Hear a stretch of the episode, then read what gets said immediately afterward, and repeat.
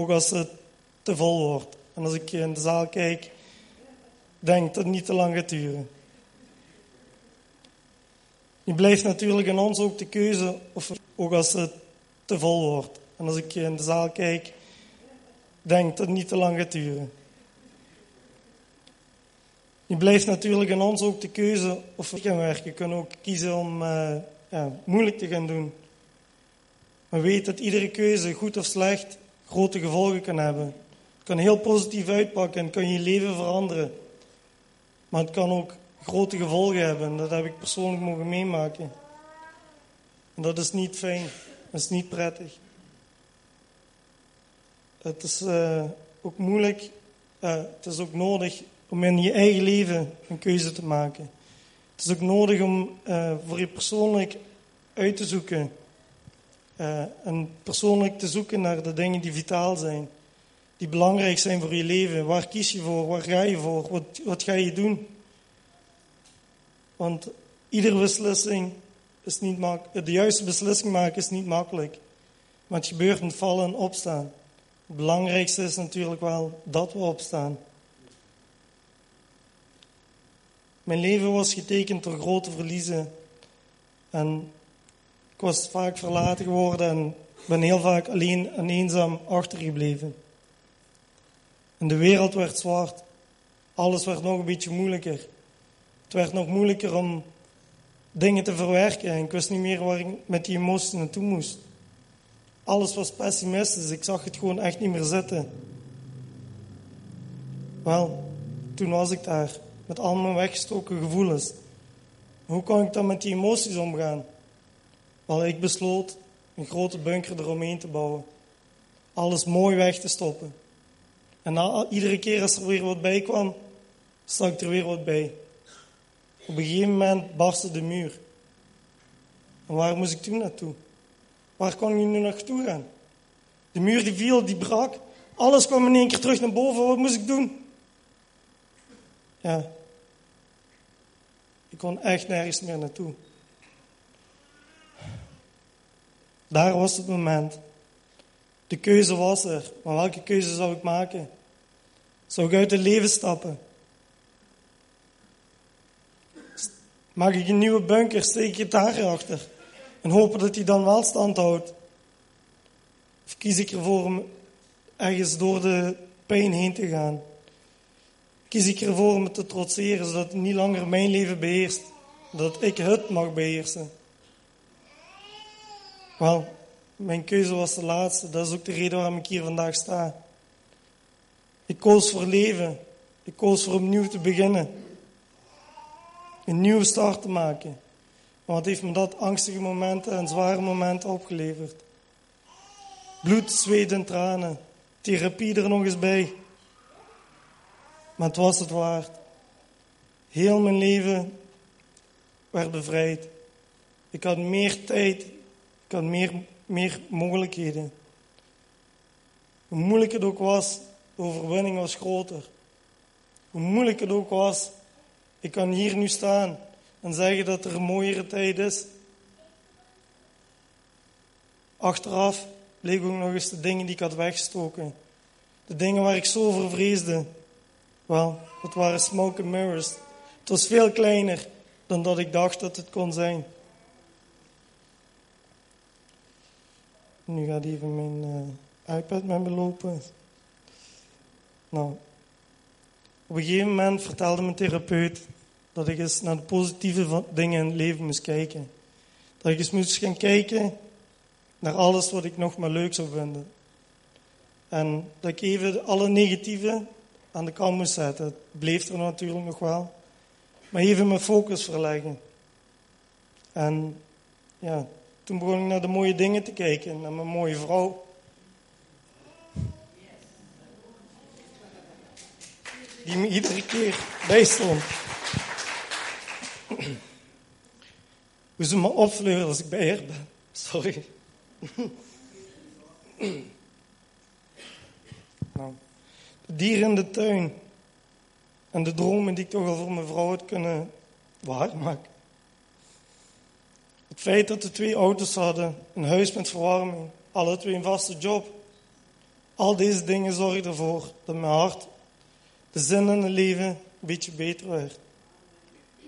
Het is net een opluchting. Was het makkelijk? Nee. Vaak is het nog steeds niet makkelijk. Maar dan denk ik weer aan de zegeningen en dat ik ze moet tellen. En dan kom ik weer net een beetje verder met mijn leven. Nadat ik zijn raad volgde, merkte ik dat er meer, weg, meer was dan weggestoken dingen. Mijn hemel klaarde een beetje op en uh, de zonnestraaltjes kwamen tevoorschijn.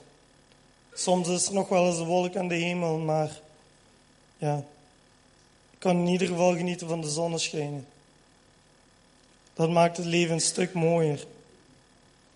En uh, ja, denk eens na over je eigen leven. Kies ervoor om een nieuw begin te maken. En ja, naar de mooie dingen te kijken die je ook hebt gegeven. En als illustratie ook, uh, had ik een mooi voorbeeld gevonden. Um, dit leeg glas stelde voor hoe dat ik was. Wie dat ik was en hoe ik mij voelde. En toen ik ervoor koos om uh, ja, een nieuw leven te beginnen, toen keek ik misschien nog wel negatief naar de dingen. En mijn glas was half vol. En toen heb ik die beslissing genomen. En toen bekeek ik dat mijn glas bijna vol was. Maar het belangrijkste is te weten, dat glas is hervulbaar. Dus het maakt niet uit hoe je je nu voelt. Het maakt niet uit wat je aan het denken bent. Maar alles kan omgedraaid worden. En vandaag kan die nieuwe start zijn als je die beslissing maakt. Dat wil ik met jullie meegeven. Dankjewel.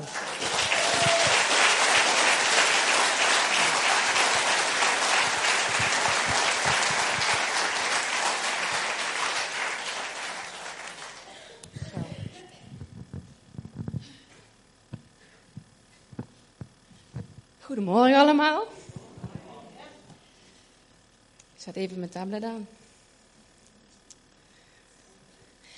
Ja, um, ik vind het heel spannend. Ik vind het ook heel leuk om hier te mogen staan. En, uh, ik wil het met jullie hebben over een nieuw begin en over crisis. Ja, iedereen die uh, gaat wel eens door een uh, periode van een crisis. Het kan een kleine crisis zijn, een grote crisis. In zo'n periode kun je heel erg moedeloos voelen, heel hopeloos heel vermoeid, het ook gewoon echt niet meer zien zitten, wat heel begrijpelijk is. Maar het geheim om er juist sterker uit te komen, is om uh, alle negatieve gedachten van je af te schudden. En te geloven dat God iets heel moois in uw situatie kan uitwerken. En zo wordt uh, de crisis niet langer meer het einde. Het betekent niet het einde, maar het wordt een nieuw begin. Ik uh, wil als eerste een, een tekst met jullie delen. Dat is Efeziërs 3, vers 20. En daar staat geschreven: God kan oneindig veel meer dan wij ooit kunnen bidden of beseffen.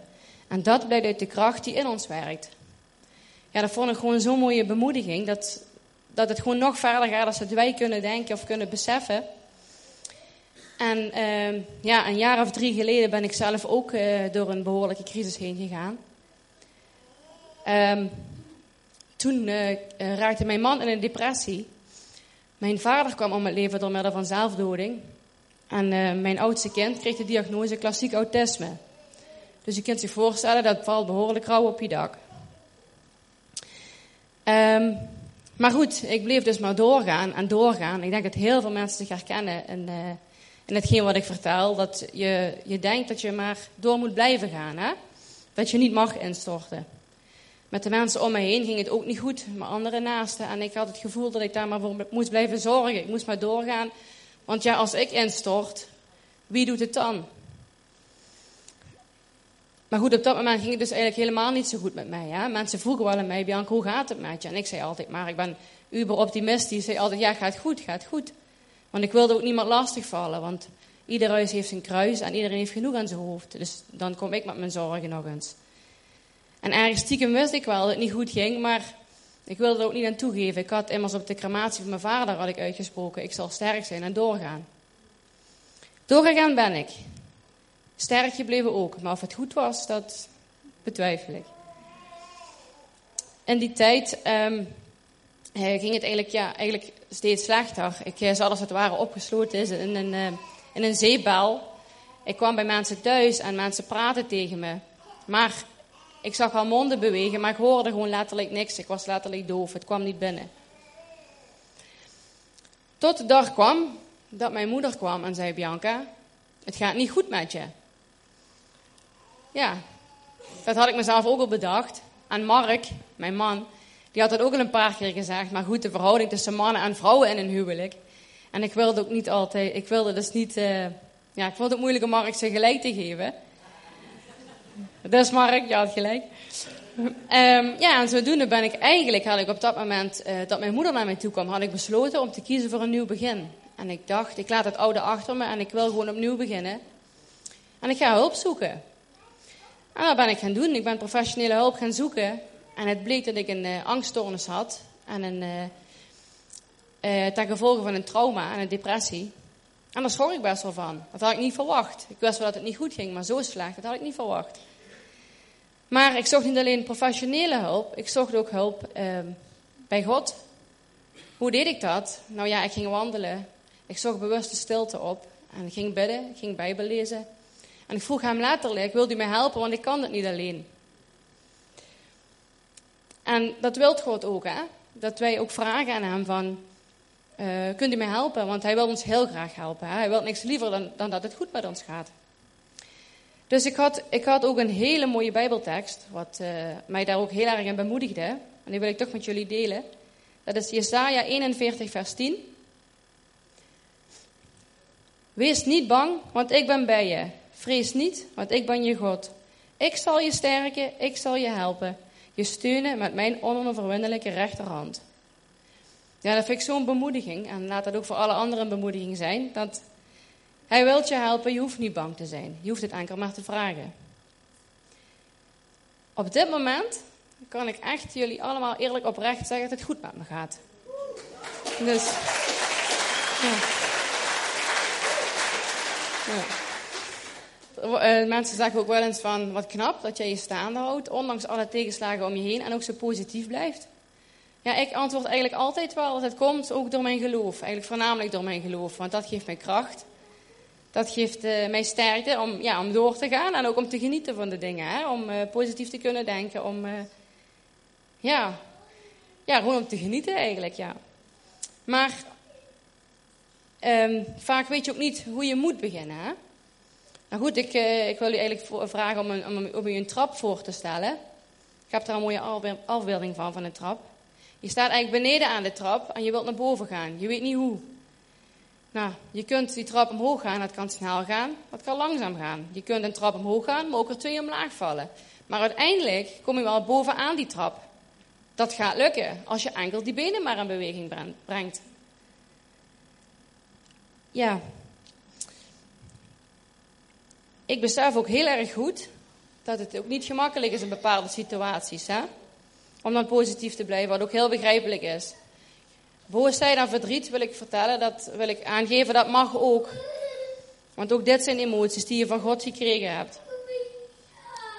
Maar ik zou je willen uitdagen, als u op dit moment in een crisis zit, of door een crisis heen gaat, breng die benen in beweging en zet die eerste stap.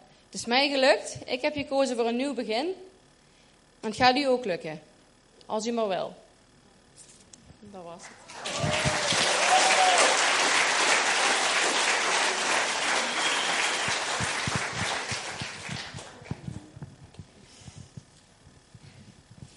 Nou, goedemorgen. Ik heb nog ouderwets papier bij me.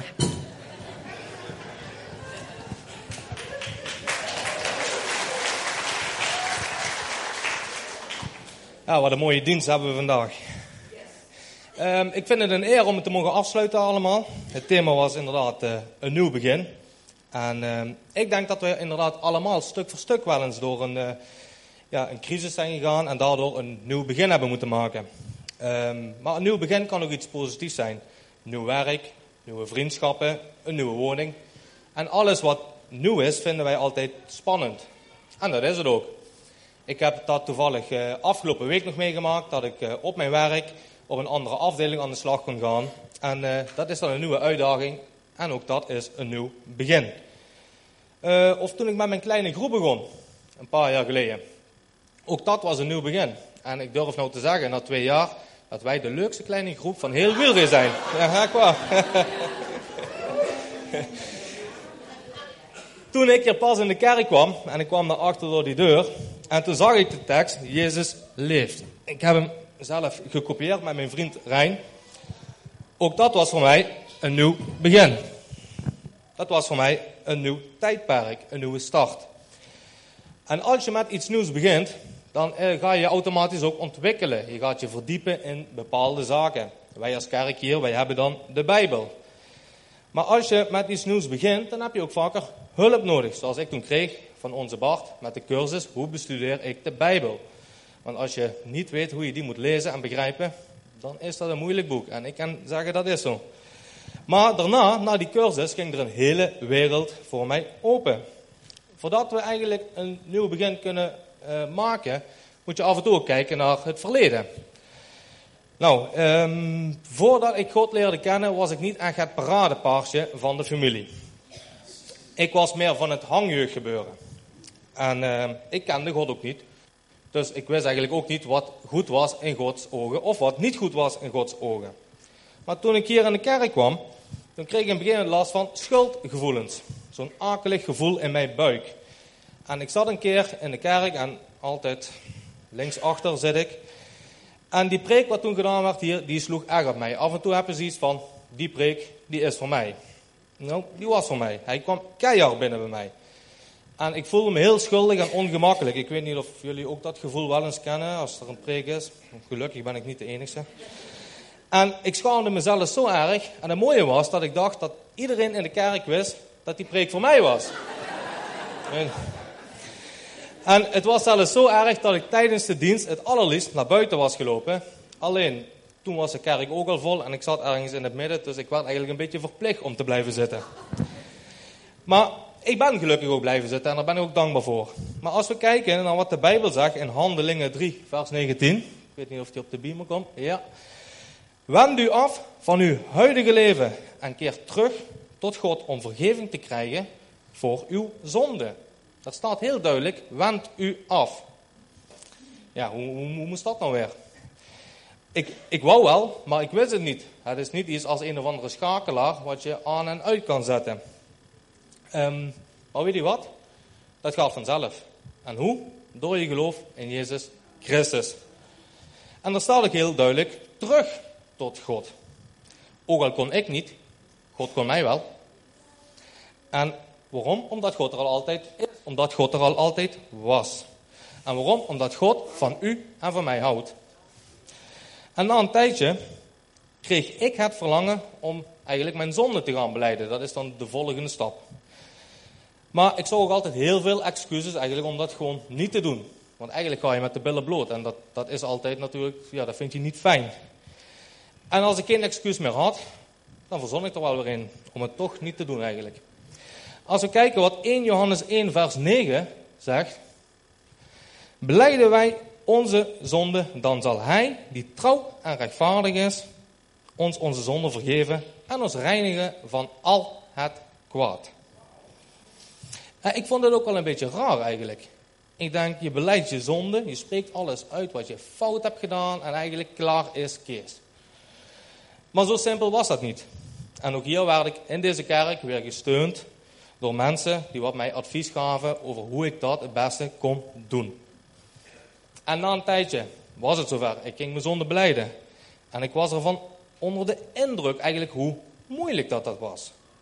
Je denkt er eigenlijk eerst heel licht over, maar je komt erachter dat dat toch wel zwaar is. En wat er in emoties bij mij opkwamen. Ik ben niet zo emotioneel ingesteld, maar ik schrok er wel van. Maar daarna was het ook van, wat een opluchting, eigenlijk. Wat een vrijheid voelde ik ineens. Het was net of een of ander gordijn voor mijn ogen wegging. Net of ik alles, ja, ik weet niet, ik voelde me lekker fris, ik voelde me lekker vrij. Het was een, uh, eigenlijk een heel mooi gevoel eigenlijk. En ik geloof ook dat wij eigenlijk ons allemaal vrij horen te voelen. Wij moeten niet uh, gebukt gaan onder bepaalde lasten. Maar ja, dan zit je op die roze wolk. En uh, na een tijdje kwam ik erachter, dat ik vaak naar het verleden ging grijpen. Ook wel zoiets. En uh, eigenlijk het gevoel dat iemand eigenlijk schuldgevoelens, allemaal dingen op mij afstuurde waarom ik me weer schuldig ging voelen, waardoor ik me weer eigenlijk negatief ging voelen. En dat is natuurlijk niet het werk van God. En vaak was het dan van, ik heb dit toen gedaan, ik heb dat toen gedaan, ik heb zus gedaan en zo. En je ging eigenlijk alles vanuit het verleden ging je weer oprakelen. Misschien kent u dat gevoel, of misschien ben ik de enige. Maar ook hier heeft God weer een antwoord op eigenlijk. Als we kijken in Jezaja 43, vers 18. Blijf niet staan bij wat eertijds is gebeurd. Laat het verleden nu rusten. En dat is heel erg belangrijk, want het is heel makkelijk om altijd naar dingen van het verleden te gaan grijpen. Maar als jij dat eigenlijk bij God al hebt neergelegd, dan moet je het ook laten rusten, letterlijk. Het is net eigenlijk als een wondje. Als je een wondje hebt en, en je gaat er aan krabben, dan in het begin gaat die ontsteken en de rest kunnen jullie zelf allebei verzinnen. Dat is niet goed. Als je dat laat rusten, dan heelt dat. Een litteken blijft een litteken. Maar als je met rust laat, dan wordt het geen litteken wat gaat ontsteken eigenlijk. En God wil dus echt kijken van hoe je wilt worden en niet hoe je was. En laat je niet misleiden door negatieve gedachten. Laat je niet misleiden door, ook als mensen zeggen, ja maar jij was vroeger een chique. Weet je, als dat positief bedoeld is, moet je, moet je dat aannemen. Maar je weet vaak al hoe mensen dat bedoelen. En we moeten altijd blijven denken, want Jezus heeft alles op zich genomen. Wij zijn vrij. En ja, ik ben nou wat zenuwachtig, maar af en toe dan kan ik daar wel over stuiteren.